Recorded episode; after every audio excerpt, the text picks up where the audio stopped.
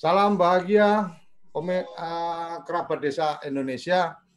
Seperti biasa malam mingguan kita ini uh, biar kelihatan muda, pakai jaket, pakai topi di dalam apa di studio kita. Uh, malam mingguan desa kali ini bersama Kemendes Eka, sorry, sorry, sorry. Bersama Kemendagri, ampun Pak, ampun Mas Eka. Bersama Kemendagri, malam mingguan kita, setiap malam minggu jadwal wajib, jadwal rutinnya TV Desa adalah ngobrol bareng teman-teman Kemendagri. Secara khusus adalah Dirjen Bina Pemdes. Hari ini kita ingin mendiskusikan, kita ingin menyam, uh, meng, mengobrolin data profil desa sebagai satu kunci kesuksesan desa membangun. Jadi ada ada satu ada satu uh, yang menarik atau ada satu yang baru di Undang-Undang Desa adalah konsep tentang membangun desa dan desa membangun. Nah, kita ingin menempatkan dalam posisi desa yang mengambil peran lebih banyak, apalagi isu-isu terakhir kemarin tentang bantuan sosial dan seterusnya, carut marut data dan seterusnya, ternyata oh desa uh, ada beberapa yang menyatakan sudah melakukan updating tetapi belum bisa berjalan dan seterusnya. Yang kemudian kita sadari bersama adalah problem data ternyata cukup serius dan kita akan mencoba mengajak atau kita akan mencoba mendengarkan dari Mas Mas Eko Prastianto yang kebetulan menjabat sebagai direktur evaluasi perkembangan desa, Mas ya.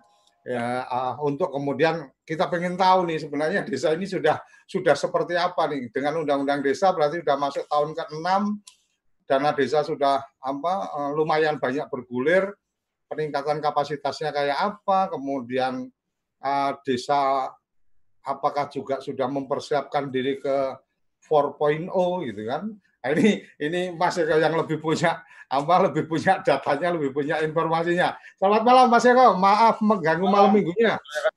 Selamat malam. Wah, oke, okay. Mas Eko, maka uh, boleh berbagi dong cerita tentang profil desa kalau nggak salah dari zaman dulu saya kenal teman-teman di Kemendagri itu ada profil desa kelurahan kalau nggak salah. Kemudian apa teman-teman juga saya sering dengar selalu melakukan updating dan seterusnya kalau memang ada updating, kalau memang dikerjakan itu, kenapa kemarin masih ada riuh-riuh tentang dana apa bansos, bahkan ada juga rumah kepala desa yang diacak-acak dan segala macam. Monggo Mas Eko, silakan. Waktu sepenuhnya buat jenengan. Mo mohon maaf mengganggu malam minggunya. Silakan. Ya. Terima kasih Mas Assalamualaikum warahmatullahi wabarakatuh. Om Swastiastu, Namo Buddhaya, selamat malam, selamat damai sejahtera untuk kita semua. Pertama-tama saya mengucapkan minal aidin wal faizin bagi Bapak Ibu semua. Mohon maaf lahir dan batin dalam suasana Idul Fitri ini. Jadi saya pertama-tama terima kasih Mas Royo Koco diberi kesempatan untuk menyampaikan mengenai masalah profil desa ya sebagai kunci kesuksesan desa membangun. Kalau kita lihat dalam konsep Undang-Undang 6 2014 ada dua konsep, yaitu mengenai desa membangun dan membangun desa. Sebenarnya data ini bukan hanya untuk desa membangun saja, artinya dari bawah bottom up ke atas ya, tetapi juga dari atas ke bawah. Ini sangat penting data ini. Oleh karena itu, ini sebagai sinkron sebenarnya data ini baik yang membina mengawasi dari pusat, provinsi, kabupaten kota, kecamatan, ya.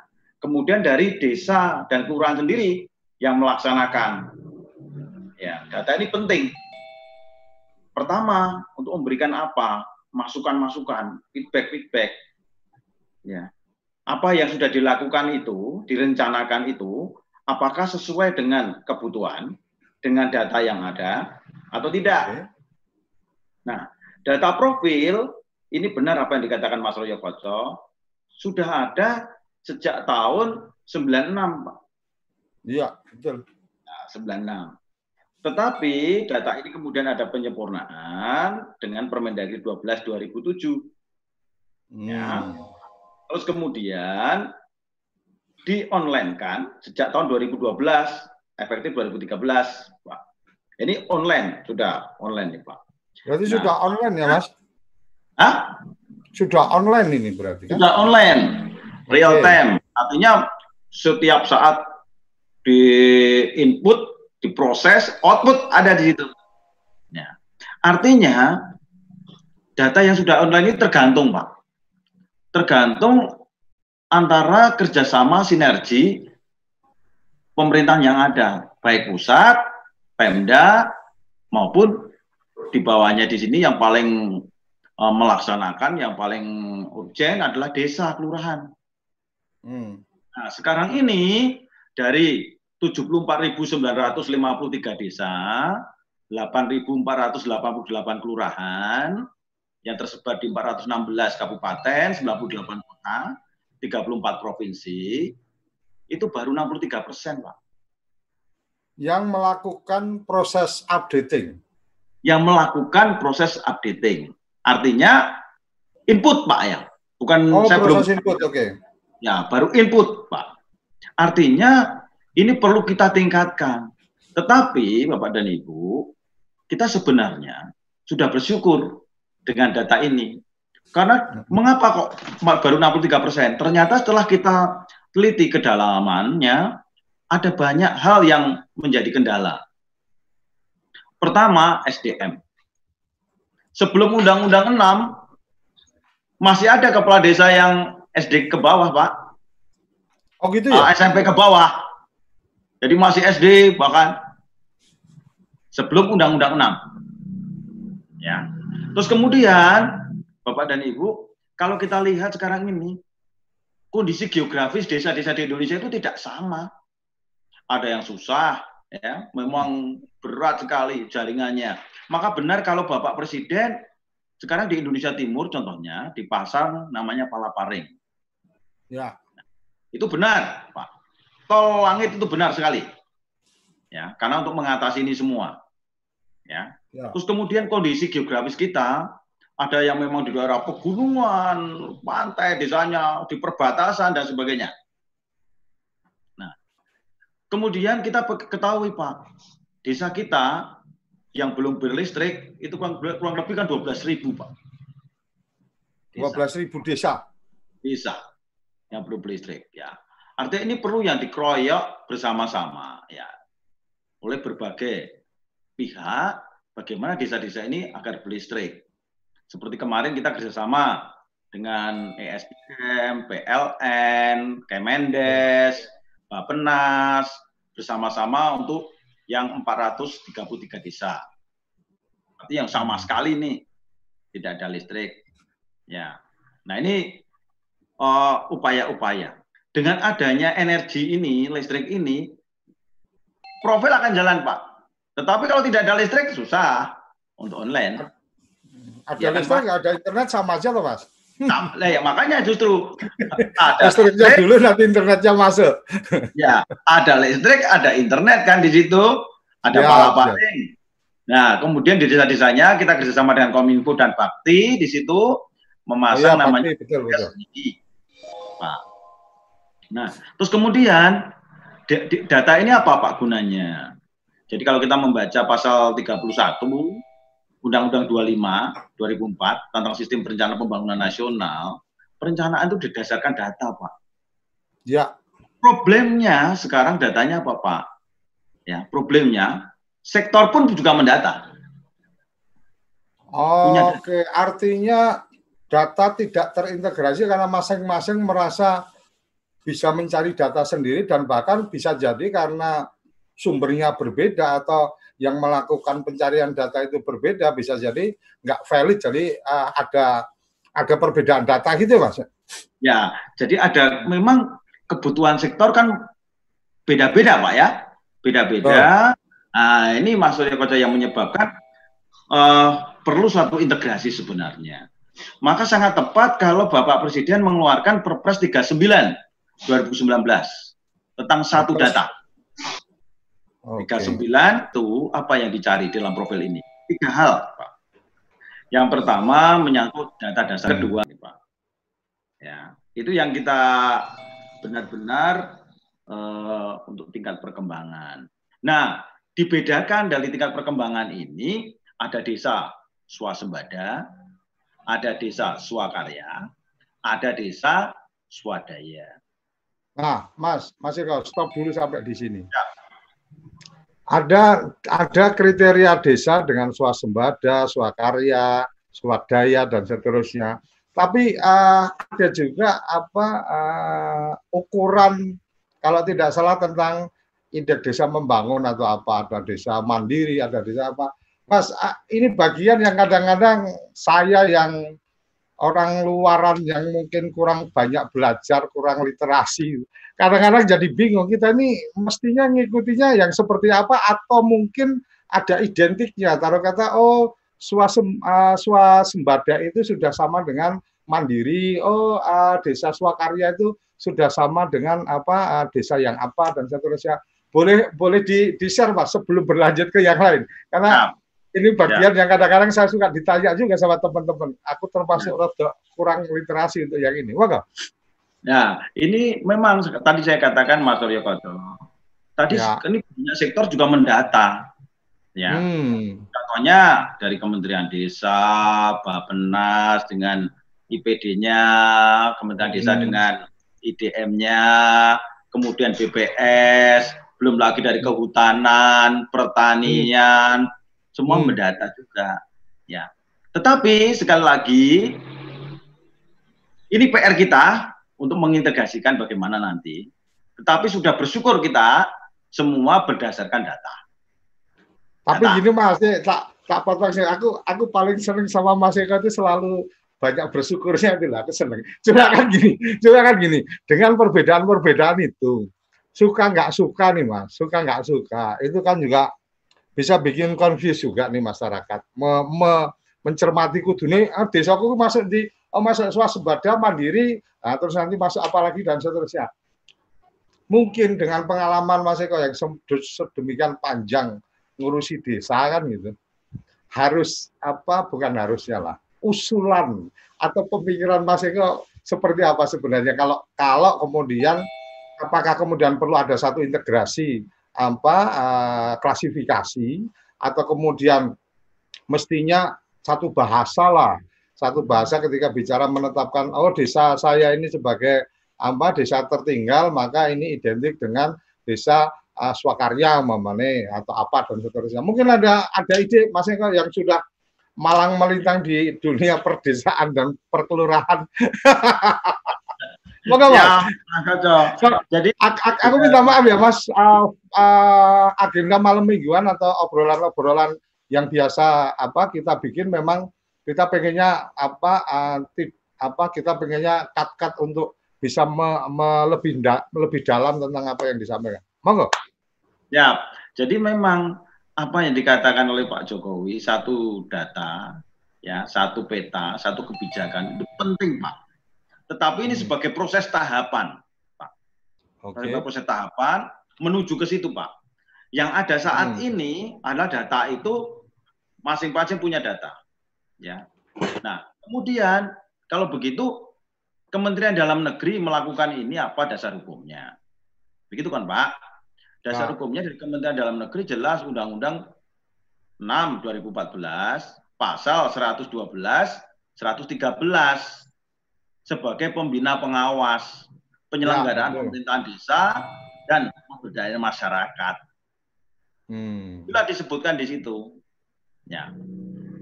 Kalau di Undang-Undang 23 2014 tentang pemerintahan daerah di pasal 373 ayat 3 hmm. itu Pak. Koordinator penyelenggaraan pemerintahan daerah, Pak. Nah, di sini Bapak dan Ibu, kalau begitu bagaimana kita kita menjalankan Pak, menjalankan regulasi yang ada ini. Kemudian dalam perpresnya ada di dalam Perpres 11 2015. Pak, ya. Jadi ini yang kita jalankan. Untuk apa? Melakukan evaluasi perkembangan desa. Kalau kita baca di pasal 22, Pak. Hmm. Evaluasi hmm. perkembangan desa. Nah, mengapa, Pak? Kok ini tidak disamakan?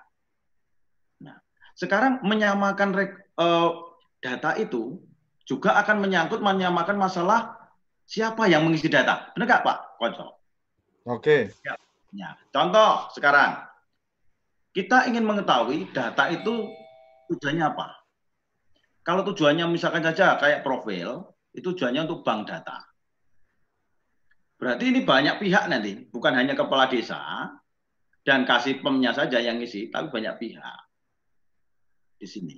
Nah sekarang kan tidak mungkin Pak, kalau semua kepala desa ngisi data itu, nggak mungkin. Contohnya, data tentang iklim, data ya. tentang cuaca, Nggak mungkin kepala desa, Pak. Nggak mungkin. Sebaliknya juga, kalau pertanian misalnya aja mencari data tentang produksi beras suatu daerah atau padi, dia nanyakan ke desa kan nggak mungkin juga Pak ditanyakan ke desa nanti. Pasti ditanyakan ke pertanian di situ. Nah, ini yang perlu menjadi pertimbangan kita bahwa siapa yang mengisi, tujuannya untuk apa, ini yang penting. Artinya memang ada data-data tertentu yang sebenarnya bisa satu data ini. Jadi istilahnya data yang kalau kita sekarang COVID ini rapid testnya itu Pak, rapid testnya. Nah, rapid kan, testnya. Mas, Mas Eka, tapi kan ya. ketika kita kita bicara data, bicara integrasi data, kemudian uh, dengan sistem teknologi yang sekarang ada, ini kan hanya masalah bahwa ada ada satu apa uh, satu servernya lah, ada satu sistemnya yang kemudian itu bisa terintegrasi, yang kemudian masing-masing bisa memberikan input dengan apa sesuai tupoks ini. Jadi uh, big datanya ini ya dengan dengan beberapa sumber, tetapi uh, memang ada otoritas-otoritas yang secara spesifik mungkin bisa seperti itu sebenarnya, uh, uh, kira-kira. Ya, memang seperti itu. Jadi artinya ada data-data yang ditujukan ke desa, ada hmm. data-data yang ditujukan di kabupaten kota, sesuai dengan SKPD yang ada, provinsi, begitu kan? Yang ya. lola. Memang harus seperti ini. Makanya kalau kita lihat sebenarnya, Kominfo sudah saya kira sudah sangat bagus juga memberikan ini loh aplikasinya, wadahnya, begitu. Hmm. Tinggal di sini diisi Ya. Oke. Okay. Yang bertanggung jawab ini siapa? Bertanggung jawab ini siapa? Saya kira sudah sudah langkah yang bagus, Pak. Ini proses. Artinya ini ini sudah dimulai. Sudah, Pak. Sudah, Pak. Sampai untuk domainnya pun sudah diatur oleh Kominfo, Pak. Sudah diatur. Hmm. Artinya ini sangat bagus sekali. Nah, tinggal sekarang, Pak, ini tidak semua, Pak, kita baik itu di desa, kelurahan, daerah maupun pusat belum semua itu bermindset bahwa sebagai basis perencanaan itu ada data. Art, nah, ini mindset tingkat, kesad, tingkat kesadaran itu uh, masih bermasalah dalam tanda petik di semua level atau di level desa aja, Mas? Tidak, di semua level pun masih perlu ditumbuhkan, saya kira. Ditumbuhkan. Oke. Nah, masih perlu ditumbuhkan arti penting data itu. Nah, hmm Terus belum lagi seperti Mas Ryo Kocok tadi katakan, sekarang dengan indikator yang bagaimana memandang itu. Ya hmm. kan? Satu objek dengan indikator yang berbeda, hasil akan berbeda. Ya. Apalagi yang mengukur juga tidak mempunyai kesamaan background, saya kira. Ini ini kompleksitas yang kita hadapi. Tapi sekali lagi Mas Royo Kocok bersyukur Harus kalau ya artinya kita apa? Kita ada namanya des desa Mas Royo Kocok. Des okay. desa ya bertemu KLKL, kita bertemu ya, kita bahas dengan teman-teman ya sebelum pandemi ini ya Mas Royo Kocok ya. Kita bahas dengan teman-teman untuk menyatukan berbagai persepsi, mengintegrasikan. Des, des desa itu ada di posisi kementerian mana, Mas? Dalam negeri Menko atau oh, dalam negeri? Dalam okay. negeri, selaku pembina pengawas kan kita, koordinator penyelenggaraan okay. pemerintahan daerah kan, di situ. Tapi Jadi, kalau di dalam negeri ada kekhawatiran juga mungkin mungkin saya yang terlalu berlebihan. Di dalam ketika itu desa ada di dalam negeri, apakah kemudian kementerian-kementerian yang lain support dengan maksimal atau kemudian ego sektornya juga masih cukup gede nih mas? Tidak, saya kira setiap kita rapat datang hadir juga hadir Artinya kan ini saling support, Mas. Kita menyadari sudah diatur tupoksinya masing-masing kok. Tupoksinya. Oke. Okay. Nah, tinggal sekarang bagaimana kita saling uh, komplementer kan, saling melengkapi ya. melengkapi. Nah, kemudian dengan data ini yang jelas kita ingin apa kebijakan yang dilakukan oleh pemerintah, apa yang dilakukan oleh Bapak Presiden. Kita ini kan membantu semua ya, membantu Bapak Presiden kan. Di situ hmm. adalah tepat, Pak. Tepat. Nah, sekarang ini baru 63 persen. 63 persen dengan data kita yang swasembada itu baru 5 persenan, Pak.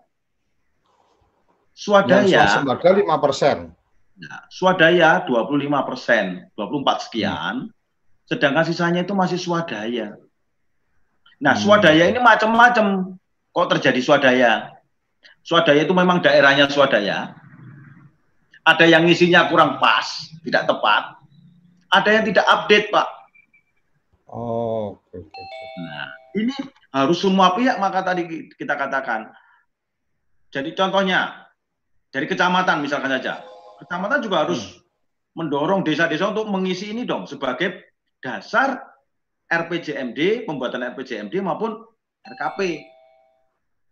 Ya. Didorong oleh kabupaten kota, provinsi, pusat. Nah, kalau ini belum bersinergi, ya, tentu ini banyak hal yang perlu kita lakukan. Ya. Contoh yang sudah kita lakukan sekarang rapat koordinasi, kemudian mendorong ada pelatihan-pelatihan, kemudian ada juga uh, fintech, fintech untuk mengisi ini. Ya. Sekali lagi, ini pekerjaan yang perlu proses, Pak. Perlu proses. Tidak seperti semudah membalik telapak tangan. Ya. Eh, Apalagi prosesnya kan sudah lama, Mas. Dari sebulan apa? Dari sembilan apa 2002 2000 berapa? Tujuh. Ah, kan berprosesnya berarti juga udah lama tuh, Mas. Nah, sekarang itu percepatan mungkin ya. Bukan Pak Surya Koco. Mengapa ya. kita itu online baru 2013? Oke. Oke. Dana desa itu turun kan baru 2014, efeknya 15 toh? Ya. Iya kan? Ini perlu kita sadari. Dulu itu kan desa itu sebelum uh, Undang-Undang 6 hanya ada ADD. Ya. PP 2 2005. Yang yang belum tentu kabupaten mengalokasikan sampai 10 ya, persen. Iya. Dari kan Pak. ya enggak Pak Surya Kaca. Bapak Pak semua. Ini kita sadari semua ini. Nah inilah yang menjadi persoalan kita. Kita sudah selangkah maju Pak. Undang-undang desa memberikan dana desa. Selangkah maju tuh. Perjuangan ya. 8 tahun. Saya kira ini bukan perjuangan yang pendek Pak. Perjuangan 8 tahun ya kan perjuangan panjang kan geruduk geruduk Mas Eko dengan pasukan segitu banyak. Ah, artinya ini keluarlah dana desa. Bersyukur kita. Bersyukur Pak. Sudah. Ada musyawarah ya. desa mekanismenya gitu kan. Nah artinya efektif dari 2015 16 17 ini kan sebenarnya ini sudah 63 persen. Itu sudah kita syukuri Pak. Nah sekarang hmm. kita cari penyebab oh ternyata ada yang tidak berlistrik. Nah inilah yang kita identifikasi, kemudian kita kerjasama dengan uh, atas perintah Bapak Presiden, Bapak Menteri, Bapak Tito Karnavian, kita identifikasi. Pertama kemarin 433 desa. Oke. Nah, grup listrik ini, kroyok di sini dengan PLN, dengan Kemendes, dengan Bapenas, ya, kroyok di sini, PMK, Menko PMK, Nah, untuk urusan listrik, untuk energi ya. Energi. Wah, nah ini listrik kan macam-macam ya. Ada yang PLN, ada yang swadaya ya. sendiri, ada yang dari pihak swasta ini. Ya kan? Nah, ini PLN mau meningkatkan ya, meningkatkan untuk mendata ini. Nah, ini upaya-upaya yang saya kira perlu kita syukuri, kita tingkatkan progresnya bagaimana sekarang.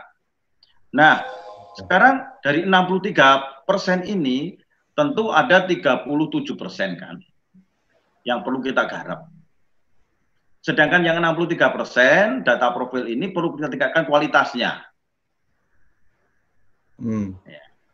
Terus kemudian yang 37 persen bagaimana supaya ini mengisi kan gitu. Oke. Okay. Ya. Nah inilah berbagai hal yang perlu disadari. Untuk apa sebenarnya? Dengan data ini, kalau ini semua terisi, berarti kita mengetahui sebenarnya data data kita itu data dasar keluarga kita itu seperti apa. Potensi hmm. kita itu bagaimana. Tipologi desa kita itu bagaimana sebenarnya. Nah terus kemudian tingkat perkembangan kita itu sudah sejauh mana? Selama lima kali dana desa itu sebenarnya ada perkembangan apa? Iya. Nah itu kalau ini diketahui ya dipahami bersama saya kira ini akan mempercepat.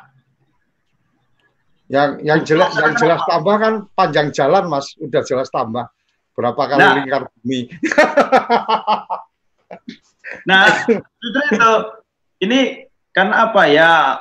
Sekali lagi Mas Suryo Koco. Ini kan uh, perlu menjadi kesadaran bersama ya, baik dari pusat ya. sampai daerah sampai ke desa ya. Tentu saja ada yang prosesnya itu seperti apa untuk membangun apa untuk digunakan untuk apa ya. Terus kemudian sesuai dengan tujuan undang-undang 6 harus ada musyawarah. Ini kan proses ini. Proses ini. Betul. ya. Nah ini yang sebenarnya menarik untuk kita selalu mendiskusikan seperti ini ya bersama-sama supaya ada pemahaman-pemahaman yang bagaimana untuk mempertajam bagaimana supaya desa itu semua swasembada. Ya. Nah, artinya apa? Kita sudah bisa mengidentifikasi desa kita. Permasalahannya hmm. apa? Potensinya apa? Untuk apa? Melaksanakan pasal 78 Undang-Undang 6. Tujuan pembangunan itu apa? Menjahterakan, meningkatkan kualitas sumber daya manusia, menanggulangi kemiskinan Nah ini, saya yakin Mas Koco, kalau di desa-desa, kelurahan-kelurahan tidak ada orang miskin, ya di Indonesia nggak ada orang miskin, Pak. Oh iyalah, semua kan tidak nah. di desa sama kelurahan. Mas Eko pinter aja. kalau batas desa itu selesai, Pak, di desa kelurahan, ya selesai. Ya. Ini oh, kalau menyinggung batas desa, kayaknya Mas Eko ingin menyampaikan juga ternyata batas desa kita masih masih belum clear juga mungkin. Nah, sekarang ini batas itu yang ada desa-desa kita, bahkan ya. kelurahan, ada yang batasnya itu kan pasti batas alam. Batas Belum alam, batas ya, berdasarkan koordinat. Hmm, Artinya ya. kita pahami Permendagri 45 2016. Hmm. Ya, begitu. Ya. Jadi batasnya itu bagaimana supaya didorong semua koordinat. Ya. Nah, kalau ini disadari semua dari pusat, kemudian daerah dan desa, saya yakin tidak ada persoalan batas di kemudian hari. Berarti kalau energi, energinya siap, internetnya siap, sebenarnya ngurusi batas itu gampang banget ya, Mas? Lah, kalau kalau sudah uh, batasnya selesai, kemudian ya. di sini sudah ada uh, energi, sudah ada data, listriknya ada, berarti ordinat itu kan berfungsi semua, Pak. Betul, ya. Ya kan? Semua di online kan bisa, Pak. Artinya apa? Kita, tinggal kita mengemas dengan suatu alat namanya Geographic Information System, GIS. Ya, betul. Itu mengisi potensi-potensi ini, Pak. Nah, kalau potensinya ini sudah terisi, kita Pak, kita bisa gunakan share, kita gunakan untuk memantau, membina, mengawasi, ya. dan sebagainya. Sekarang ini yang ada, kita hanya meli bisa melihat secara garis besar, spasial, Pak. Hmm. Tetapi tidak bisa melihat mikronya. Contohnya nih, sekarang. Ketika batas daerah selesai, di situ, jadi hanya congkrongannya aja yang selesai, kita ya hmm. hanya bisa melihat congkrongan itu, Pak. Tetapi ya. bagaimana batas yang di dalamnya, nggak bisa kita. Nah, justru okay. itu. Nah, sekarang kalau ini bisa diketahui, kemudian kita bisa tampilkan di dalam Geographic Information System, di situ jelas Pak, potensi-potensi apa saja yang ada di situ, bagaimana pergerakan mobilitasnya, masalah ya. kependudukan, ya. bagaimana menyangkut masalah sumber daya alam, kita ketahui. Jadi di 416 kabupaten, 98 kota itu ketahui Pak, kedalamannya. Artinya jeruane kaya ngopo konangan kabeh, Mas. Konangan. Jadi harus harus berbuat apa dan harus bagaimana jadi jadi lebih apa lebih tepat karena memang berdasarkan basis data yang apa uh, valid kan gitu ya? Ya, ya seperti itu. Ya. Oke. Nah, Masih ada yang ingin ditambahkan Mas Eko sebelum saya absen teman-teman yang sudah gabung dan apa memberikan apa chatting-chatting atau komentar? Ya. Jadi dengan basis data yang valid, terukur ya ini sebenarnya akan mempermudah kita baik kita untuk melakukan desa membangun maupun membangun desa. Oke. Itu akan mempermudah. Saya kira itu Mas Suryo Koco nanti bisa Oke, Mas Turun. Mas Eko saya apa saya absen atau saya baca teman-teman yang sudah gabung chatting. Alhamdulillah di Zoom kita saya cuma punya kapasitas sampai 100 tapi ini 62 sudah bergabung.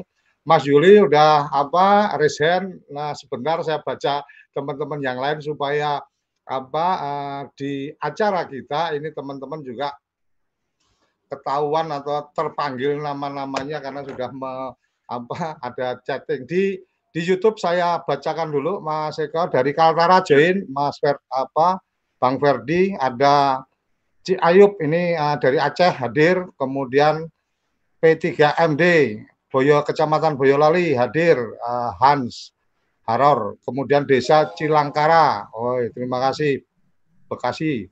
Kemudian Dinas PMD Dukcapil Provinsi Bali hadir Matur nuwun. Pasuruan Jatim hadir Mas Mo Fauzan. Ada PMD Provinsi Lampung juga hadir, Kabupaten Semarang hadir, Mas Aris, kemudian ada Kecamatan Nusa Penida, uh, Bali, uh, Kelungkung, IGD Herwis, kemudian ini yang di di YouTube ya, kemudian Mas Andi ada ada beberapa yang uh, provinsi Bali, oke, okay. Sunda Sunda Emonde dari Cibiruwetan, ada juga dari Pangandaran hadir Kar Kartoh. Dan ah, banyak juga nih kalau saya baca semua. Kemudian dari Boyo ah, Boyolali udah ah ini ada yang ada yang terkait pertanyaan izin bertanya Pak Direktur. Ya. Seperti apa progres pembinaan ya. dan pengawasan pada provinsi sebagaimana Undang-Undang 6 dengan diterbitkannya Permendagri 90 jadi Mas Eko ini uh, dari uh, Bang Ferdi menanyakan uh, izin bertanya untuk proses pembinaan pengawasan provinsi yang diatur dalam sebagaimana Undang-Undang 6 ini diterbitkan Permen 90. Mungkin satu itu bisa sambil dicatat nanti yang lain saya apa ikutkan juga. Kemudian Mojo Mojo Songo udah oke, okay.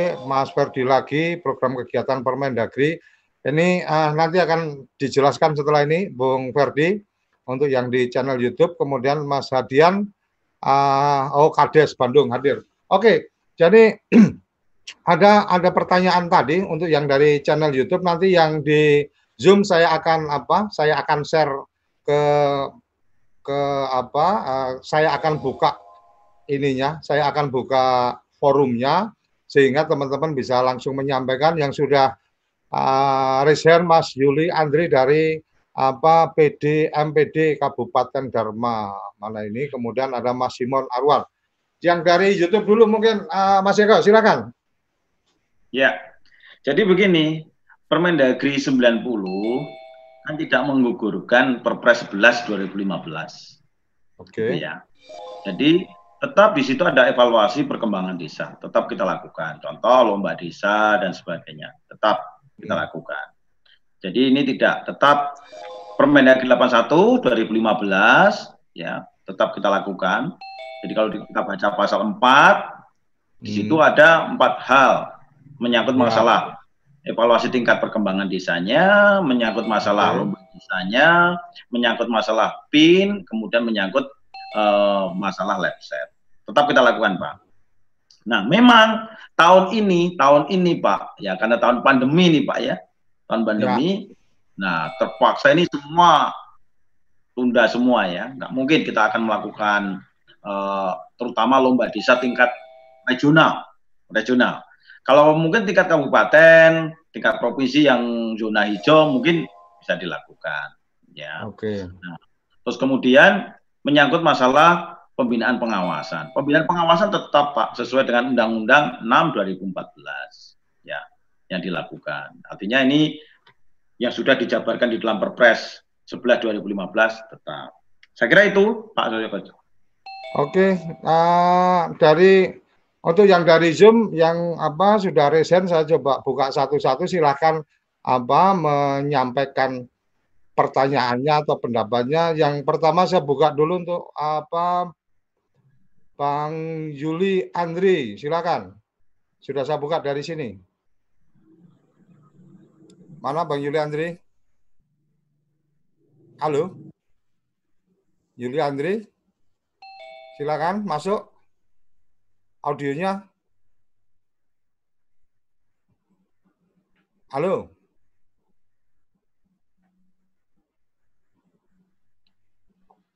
Audionya silakan. Udah, udah on itu silakan, Mas. Halo Pak. Ya, lanjut. Oke, silakan. terima kasih Pak moderator. Ya. Oke, uh, alhamdulillah senang kali malam ini santai dengan Pak Direktur. Bisa ngomong-ngomong, ya. bisa diskusi Pak, gitu, gitu. Ya. Artinya uh, senang kali jumpa dengan Peko. Saya dari DPMD Kabupaten Damasraya. Sumatera ya. Barat. Dari Sumatera ya. Barat, Pak. Iya, Pak. Yuli. Oke, Pak. Ya, lanjut, Pak Yuli. Terima kasih, ya. Pak Yuli. Ah, senang kali ketemu dengan Pak Direktur malam-malam ini. Kita di tengah wabah pandemi, kita masih kesempatan uh, untuk bisa memikirkan desa, gitu. Ya. Eh, pertama gini, Pak. Tertarik saya dengan apa namanya? Dengan profil desa ini dengan Permendagri 81 tahun 2015 ini tentang evaluasi evaluasi perkembangan desa.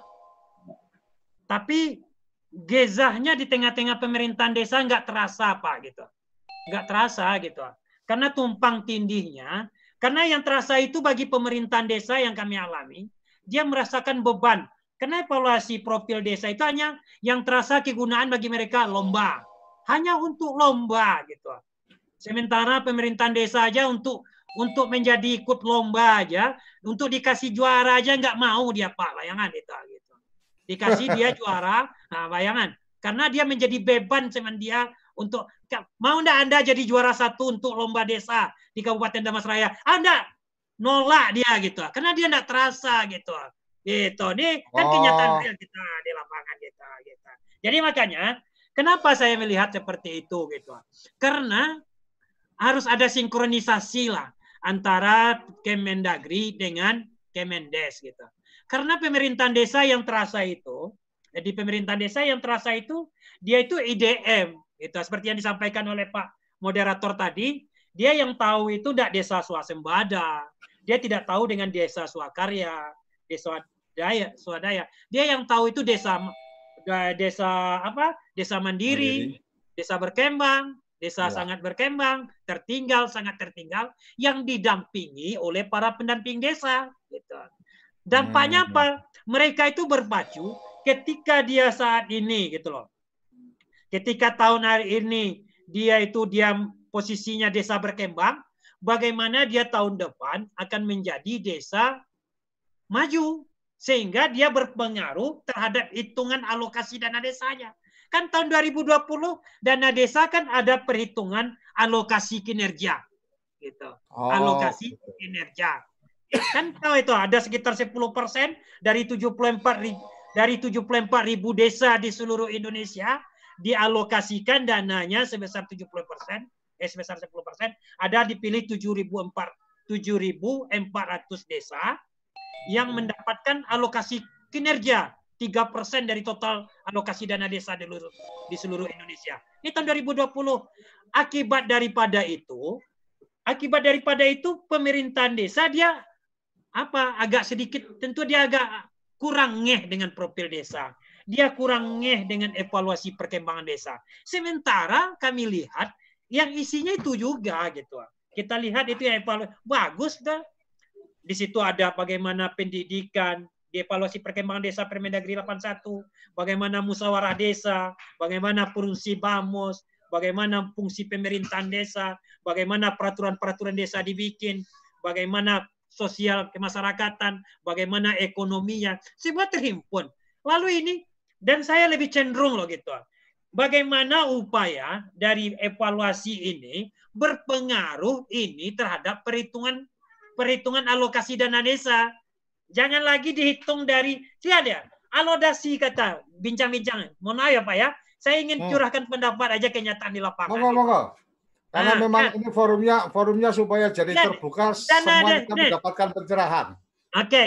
biar tahu pusat kita. Dana ya. desa ya. itu Pak moderator ya. ya. Sementara yang dapat alokasi kinerja itu, saya baca-baca, alokasi kinerja itu dilihat hanya dari indikator mulai dari perencanaan dana desa, mulai dari input, proses, output, outcome dari dana desa. Sementara hmm. evaluasi dana evaluasi perkemahan desa di bawah di bawah binaan Bapak Eko ini itu lebih makro gitu. Kalau saya hmm. berpikir lebih makro gitu, lebih mantap gitu. Makanya hmm. kalau bisa inilah yang menjadi indikator, inilah yang menjadi indikator di pemerintahan desa untuk mendasar perhitungan terhadap perhitungan alokasi dana desa. Gitu. Nih, Oke. ini saran saya. Kalau Anda evaluasi perkembangan desa ini itu susah implementasinya di lapangan susah gitu. Karena saya salah satu nih, Pak. Saya kan pembinanya pemerintahan desa ini di Kabupaten ya. Damasraya. Ya. Saya untuk ada di Kabupaten Damasraya itu ada 52 desa atau kalau di kami namanya nagari gitu. Kalau di kami hmm. nama 52 nagari itu. Dari 52 nagari itu kalau berbicara profil desa gitu hanya karena setiap tahun kan lomba, lomba. Di mindset pemerintahan desa itu aja tahu Pak, yang namanya lomba itu mereka itu memerlukan biaya, gitu. Mereka perlu dan kami solah coba tidak perlu biaya. Bagaimana profil desa itu bagus gitu. Bagaimana apa yang dikerjakan itu yang dicatat itu yang kita evaluasi gitu. Kita evaluasi sendiri, lalu kami nilai benar nggak evaluasi itu sesuai fakta nggak nggak dibikin-bikin. Ini kalau ada rapat memang dikerjain kan begitu mestinya. Ah, tapi harus diperkuat oleh pemerintahan pusat. Bagaimana evaluasi ini ada ada gezahnya gitu. Dia itu terhubung dengan keuangan, terhubung dengan bagaimana perhitungan dana desa. Tuh. Tato, ah, tuh kan paham dia Ini yang jadi permasalahan Pak. Kalau nggak selamanya nggak masuk gitu loh gitu. Lalu terkait saya nih, yang kedua, bagaimana tadi bercerita Pak Direktur cerita sesuai dengan Perpres 39 bagaimana cerita satu data kan gitu. Bagaimana yeah. pemerintahan itu. Nih, kan persoalan data ini yang menyebabkan seluruh ada kantor nih. Kami tidak nyatakan persoalan BLT yang kisruh di lapangan. Karena persoalan data ini tidak selesai-selesai ada data yang tidak valid menyebabkan kantor wali ke kantor kepala desa mau dibakar orang, dilempar ya. orang. Kan persoalan di data itu yang dari dulunya yang tidak selesai-selesainya gitu. Sampai keluar omongan di sosial media ketika hmm. ada persoalan pilkada, orang gila terdaftar. Kan ini harus kita ketahui nih. Ketika soal BLT, orang yang miskin tidak terdaftar, ini kan persoalan data gitu. Lalu baru-baru ini kita BPS minta data lagi. Ah, nih, saya ingin tahu lah dari DPMD gini. Dari perhitungan dana desa kan ada alokasi nih. Ada alokasi perhitungan lagi. Ada di situ luas wilayah, ada di situ jumlah penduduk, jumlah penduduk, ada di situ jumlah miskin, ada di situ apa namanya ya, indeks kemahalan harga, indeks indeks apa apa indeks kemahalan geografis atau apa itu saya. Nah, lalu persoalannya yang mengatakan data itu dari BPS siapa? Karena kami lihat data jumlah luas penduduk. Kami tentu tahunya, kami berpikiran ini tentu data ini dikeluarkan oleh evaluasi di Dirjen evaluasi perkembangan desa. Kenapa kami lihat dat ketika kami adu data BPS jumlah apa namanya luas wilayah yang ada di Kabupaten Darmasraya, kita adu nih antara jumlah yang ada pembagian dana desa itu, dia nih mesti tidak cocok dengan data yang dikeluarkan dengan BPS gitu. Mas Namun kan tentu ini bagaimana? Ah, mas, bagaimana mas kami harus menjelaskan gitu ah. Oke, Mas Yuli, uh, ah. bisa mungkin bisa di apa bisa dipadatkan karena memang waktu kita terbatas. Tapi Oke, okay, uh, cuma itu lah. Jadi uh, mungkin ada satu waktu kita bikin forum okay. yang lebih panjang. Ah, yang lebih ya makanya saya bahagia. Ya, cuma silakan, itu Pak. Oke, okay, yeah. cuma dua itu pertanyaan saya. Pertama okay. saya ulang lagi Pak. Satu, bagaimana profil desa ini betul-betul menyangkut terhadap perhitungan keuangan dana desa? Oh. Yang kedua adalah bagaimana data yang dikeluarkan untuk perhitungan dana desa itu valid Jangan ketika kami adu dengan data BPS, nggak cocok. Siapa? Tentu evaluasi perkembangan desa yang bertanggung jawab dalam hal ini. Terima kasih Pak. Itu saya kira-kira. Terima kasih. Jadi memang yang tadi disampaikan ada dua hal. Memang ini urusannya ketika kita pengen apa berharap kerja yang maksimal tapi kemudian kemanfaatannya tidak apa tidak jelas gitu kan hadiahnya itu tidak langsung kemudian nambah dana desa mungkin jadi malas-malas juga kayak anak kita kalau disuruh-suruh apa kalau nggak ada apa dikasih manfaat secara langsung kadang mungkin agak keberatan juga. Oke Mas Eko ada dua hal tadi ada ada yang masih resen juga dua tapi uh, kita akan akan berikan waktu tapi karena ada dua poin tadi yang menarik saya pikir uh, Mas Eko bisa memberikan respon lebih dulu sambil saya amba lihat teman-teman yang ada di chat. Silakan. Ya, terima kasih Mas Eko. Jadi Pak Juli terima kasih pertanyaannya sekaligus dukungannya untuk profil dan evaluasi perkembangan desa. Jadi memang PR kita Pak sebenarnya yang pertama adalah memahami sebenarnya prioritas itu di mana sih prioritas itu. Ya, skala prioritas. Nah, skala prioritas Tadi sudah dikatakan ada data itu penting. Nah, terus sekarang pertanyaannya pemahaman mengenai regulasi. Siapa berbuat apa? Ini. Nah, ini harus ditelusur lagi, Pak. Pertanyaannya. Nah, kalau ini tidak dipahami siapa berbuat apa, ya. Contoh, Undang-Undang 39 2008. Pak, ya. Di situ ya. di pasal 8 jelas dikelompokkan kementerian kelompok satu, dua, tiga, gitu. Hmm. Terus kemudian yang sampai teknis ke daerah mana? Oh, klaster satu di situ, ya kan? Artinya ini benar-benar harus dipahami regulasi yang ada. Terus lagi tadi pasal 112, 113 Undang-Undang 6. Nah, benar Pak Yuli. Sekarang itu yang Susah, salah satunya adalah merubah mindset data ini, Pak.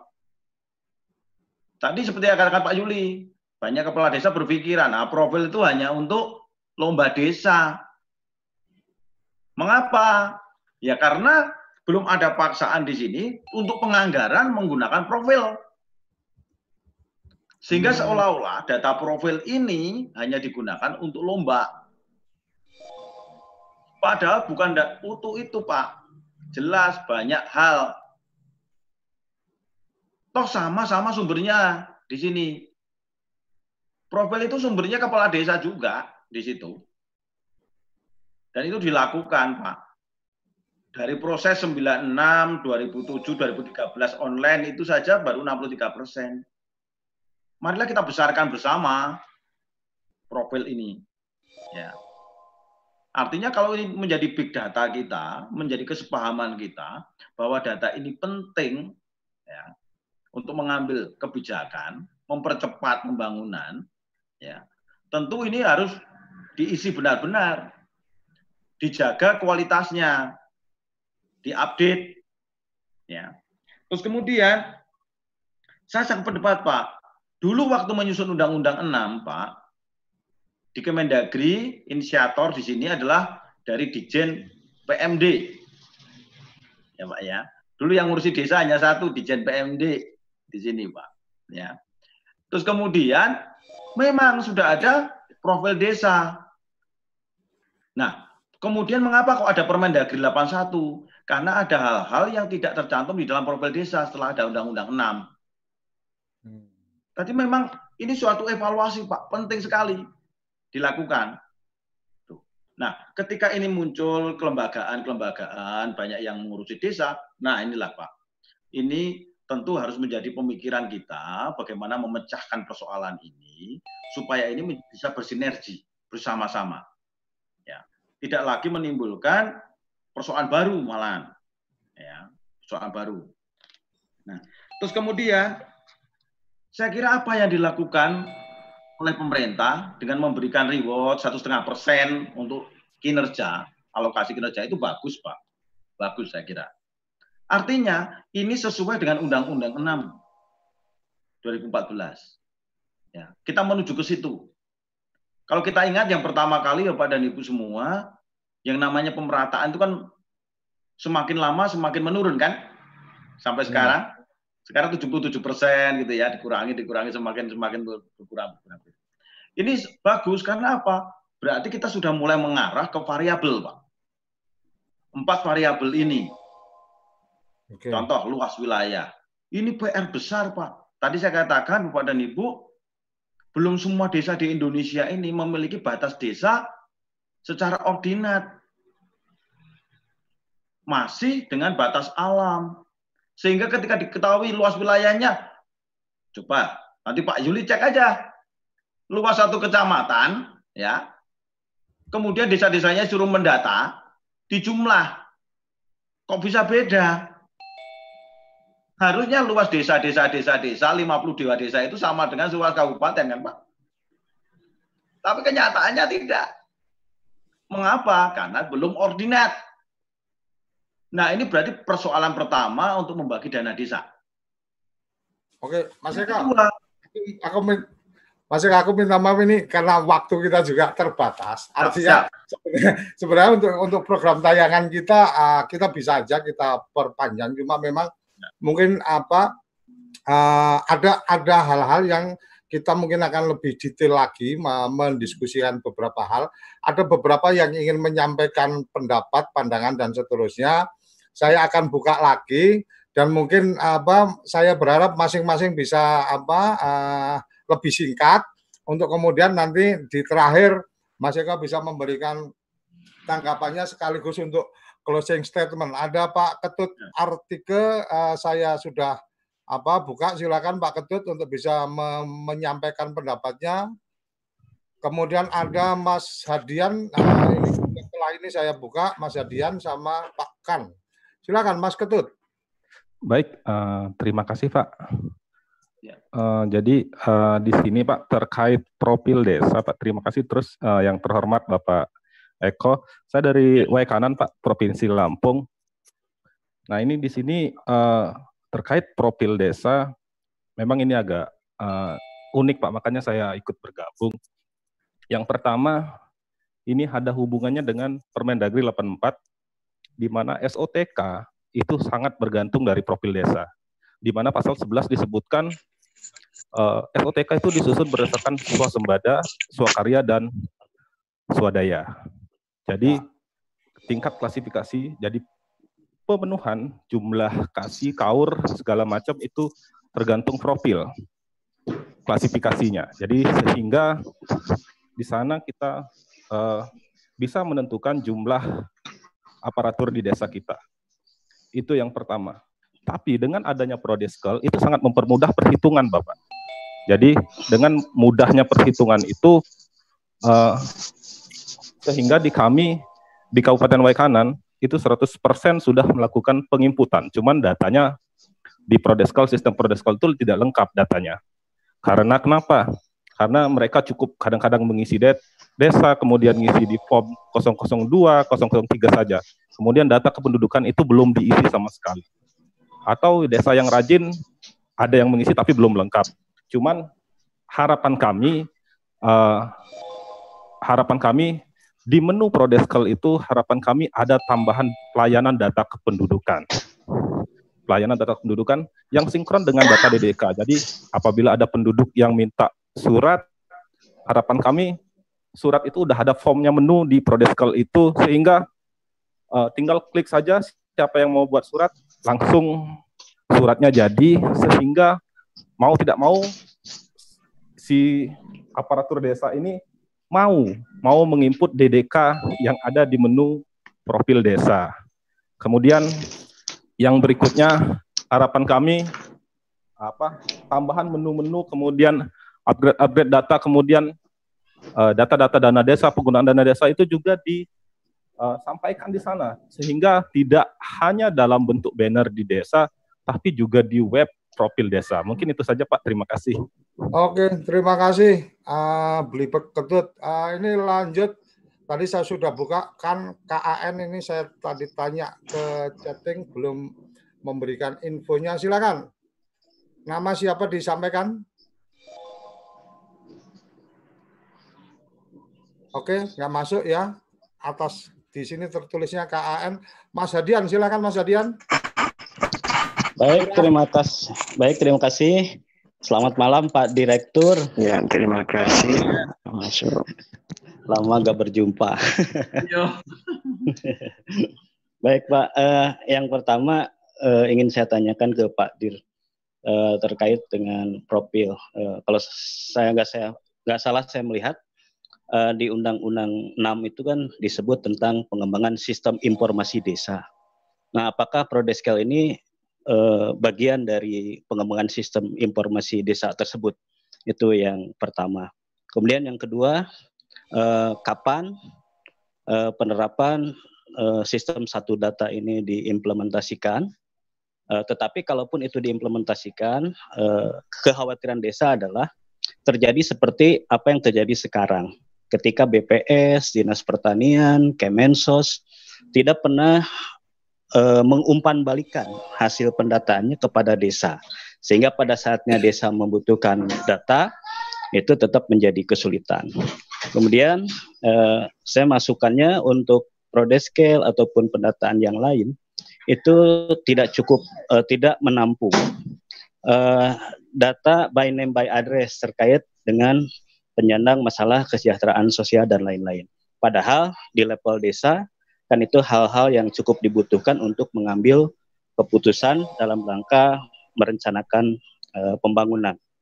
Kemudian terkait dengan kisruh data, uh, kalau pengalaman saya di desa enam bulan ini, uh, double data, uh, kemudian salah data itu bisa saja terjadi. Tapi apakah kita akan terus menyalahkan kondisi itu?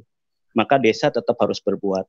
Desa harus menjadi filter terakhir dari segala bentuk uh, hal yang kurang uh, ideal agar sampai kepada masyarakat tidak menjadi menghebohkan, tidak menimbulkan keresahan baru.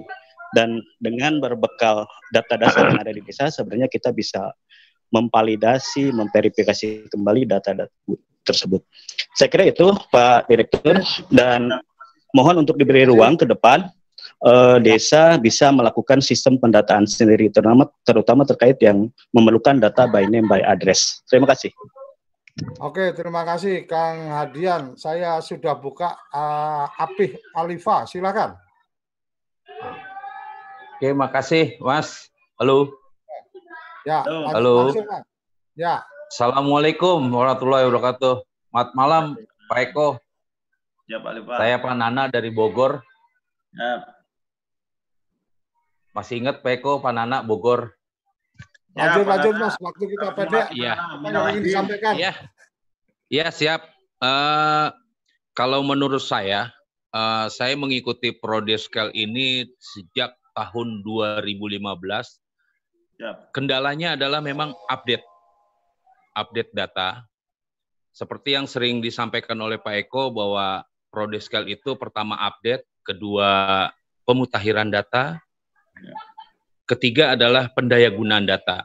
Sampai saat ini pendaya gunaan data itu tidak bisa uh, dilaksanakan karena desa tidak pernah mengupdate secara real. Kenapa tidak pernah diupdate? Karena Prodeskel tidak ada duitnya. Tentu poin ini. ya, itu karena Prodeskel tidak ada uangnya. Berbeda dengan IDM. Karena IDM itu eh, berkaitan dengan afirmasi dana desa. Itu pasti jangankan siang tengah malam pasti akan diupdate. Berbeda pasti dengan Prodeskel. Prodeskel gimana Mas? Pasti dikerjakan karena ada hitungan afirmasi tadi. Betul. Tapi kalau Prodeskel hanya terkait dengan tadi setuju dengan Pak Ketut eh, itu hanya bermentok kepada SOTK desa. Ketika di Kabupaten Bogor diterbitkan peraturan bupati tentang penetapan SOTK desa menggunakan uh, pola maksimal atau minimal, desa itu kalang kabut. Sementara desa sudah menetapkan dengan uh, pola maksimal tiga kasih tiga kaur.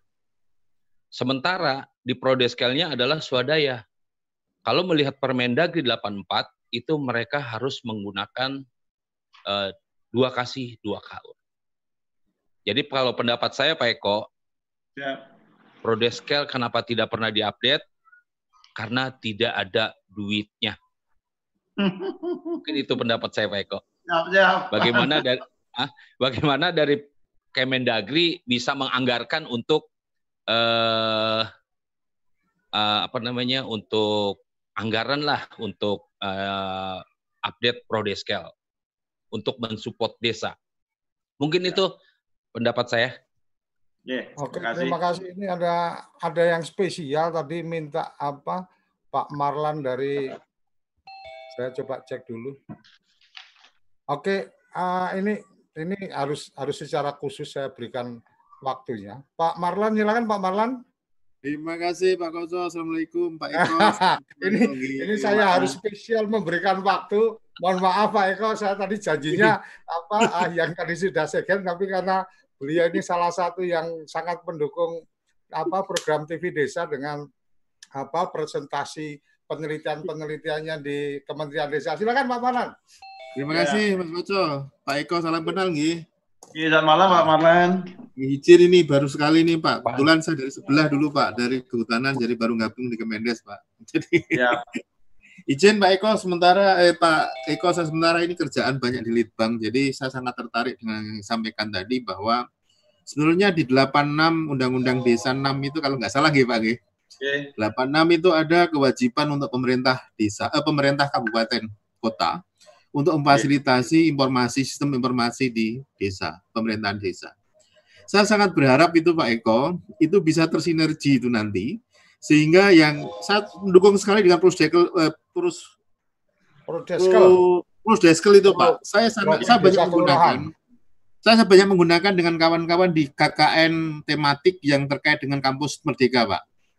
Ya. Sangat banyak menggunakan di situ. Oleh karena itu dengan dengan data yang komprehensif nanti seandainya bisa melalui Undang-Undang 6 melalui pasal 86 itu terintegrasi dapat dijalankan, saya yakin itu akan menjadi data big besar yang Pak Eko sampaikan tadi tidak hanya pada landscape desa saja, tetapi pada potensi secara utuh, Pak.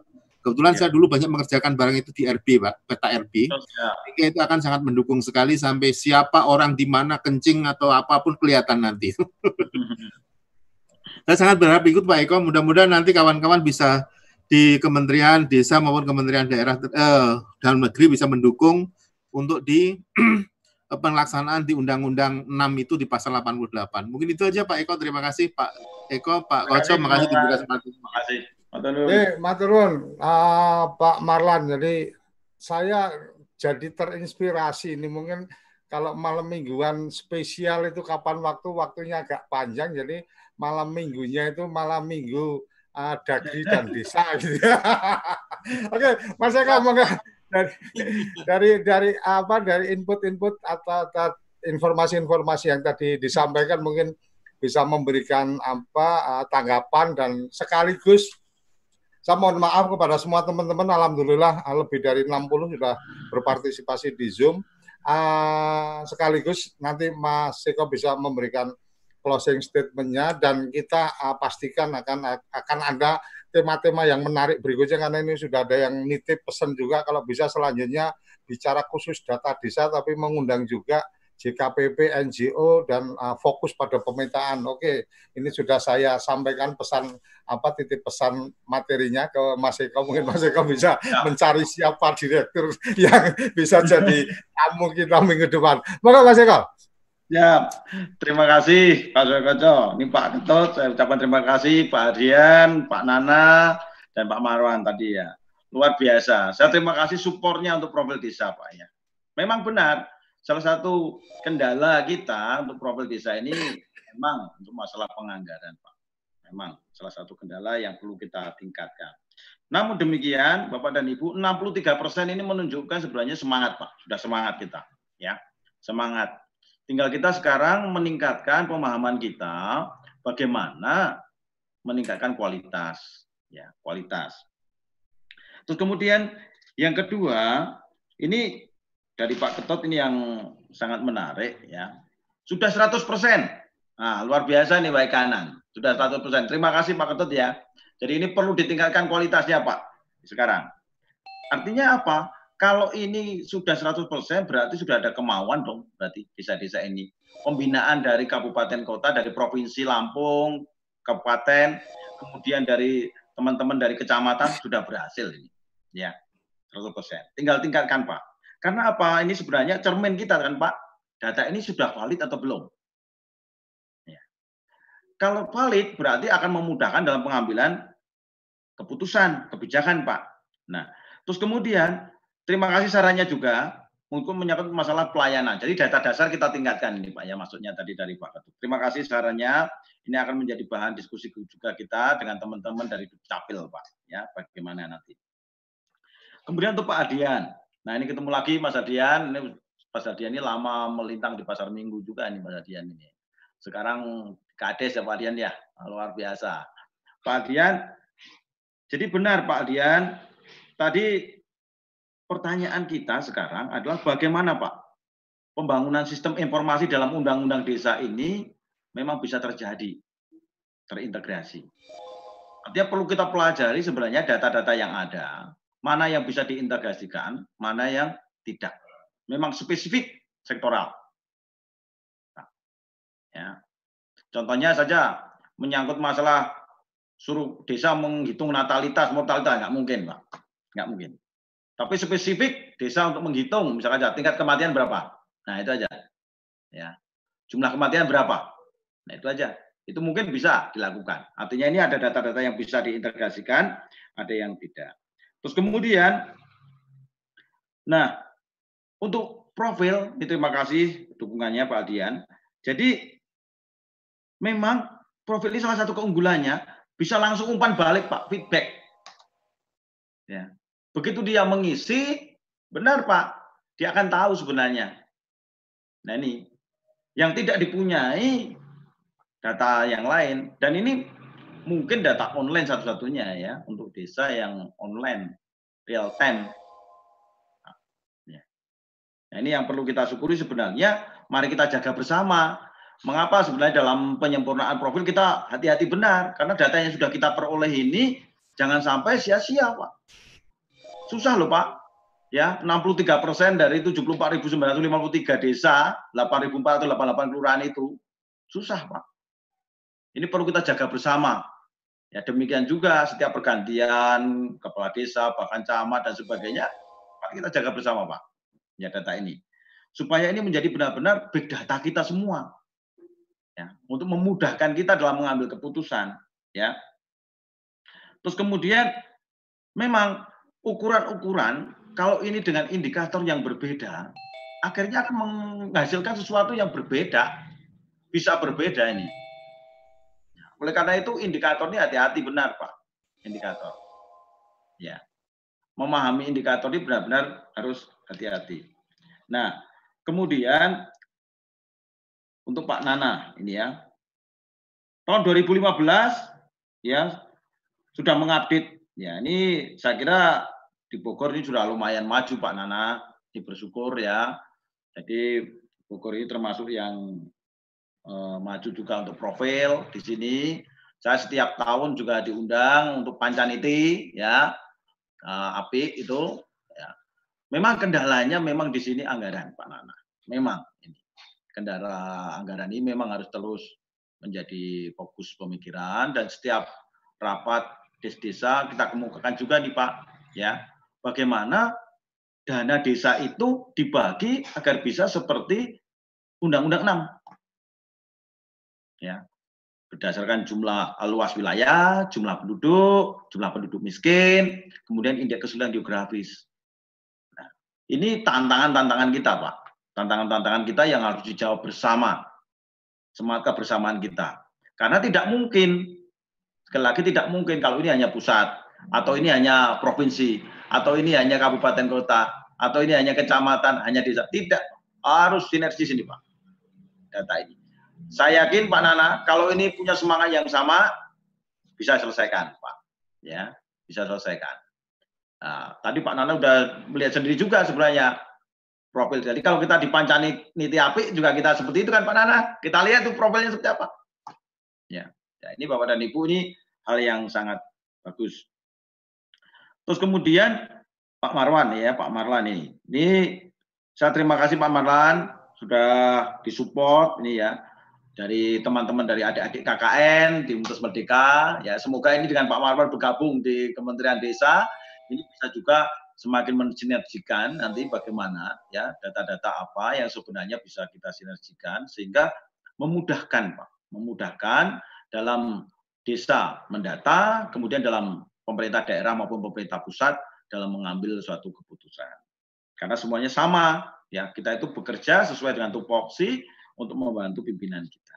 Saya kira itu Pak Suryo Koco yang bisa saya sampaikan. Sekali lagi, data dengan data sebenarnya sudah on the track, Pak. Dengan data itu sudah on the track. Tinggal kita ketingkatkan bagaimana sinergisitas, bagaimana kualitasnya. Ya.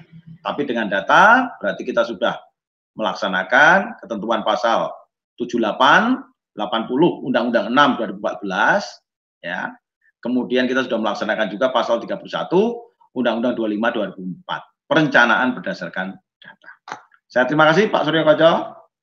Saya kembalikan. Terima kasih. Matur nuwun Mas Eko. Ma saya mohon maaf karena memang waktu waktu yang sudah disepakati antar kita.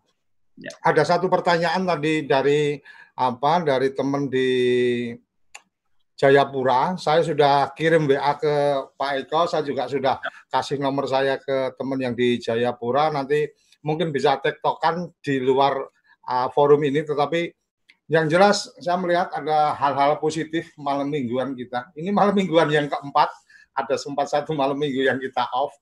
Semoga malam minggu malam minggu berikutnya uh, kita bisa mengangkat tema-tema yang menarik untuk kemudian mempertemukan para pihak uh, yang punya apa kompetensi atau punya ketertarikan sehingga setiap malam minggu itu kita menemukan sesuatu yang baru untuk perbaikan, artinya untuk memperbaiki ke depan. Dan memang semangat kami di TV Desa kami ingin selalu memberikan mengabarkan hal-hal yang pada akhirnya adalah untuk lebih memuliakan desa. Jadi lebih menjadikan desa menjadi uh, sesuatu yang akan kita tempatkan menjadi hal yang utama. Saya pikir itu mohon maaf untuk yang apa sudah chatting tapi saya belum sempat baca-baca uh, karena memang ternyata responnya luar biasa saya apa saya appreciate sekali setiap malam minggu ini semakin hari semakin semakin banyak yang partisipasi Mas Eko jadi jadi kalau kalau sampai kalau sampai tidak ada tamu yang bisa saya datangkan ini saya bisa dimusuhi banyak orang jadi mohon dibantu teman-teman di Kementerian Dalam Negeri untuk apa hmm. selalu meng, apa menghadirkan tamu atau apa menyempatkan diri menjadi tamu di malam mingguan Kementerian Dalam Negeri.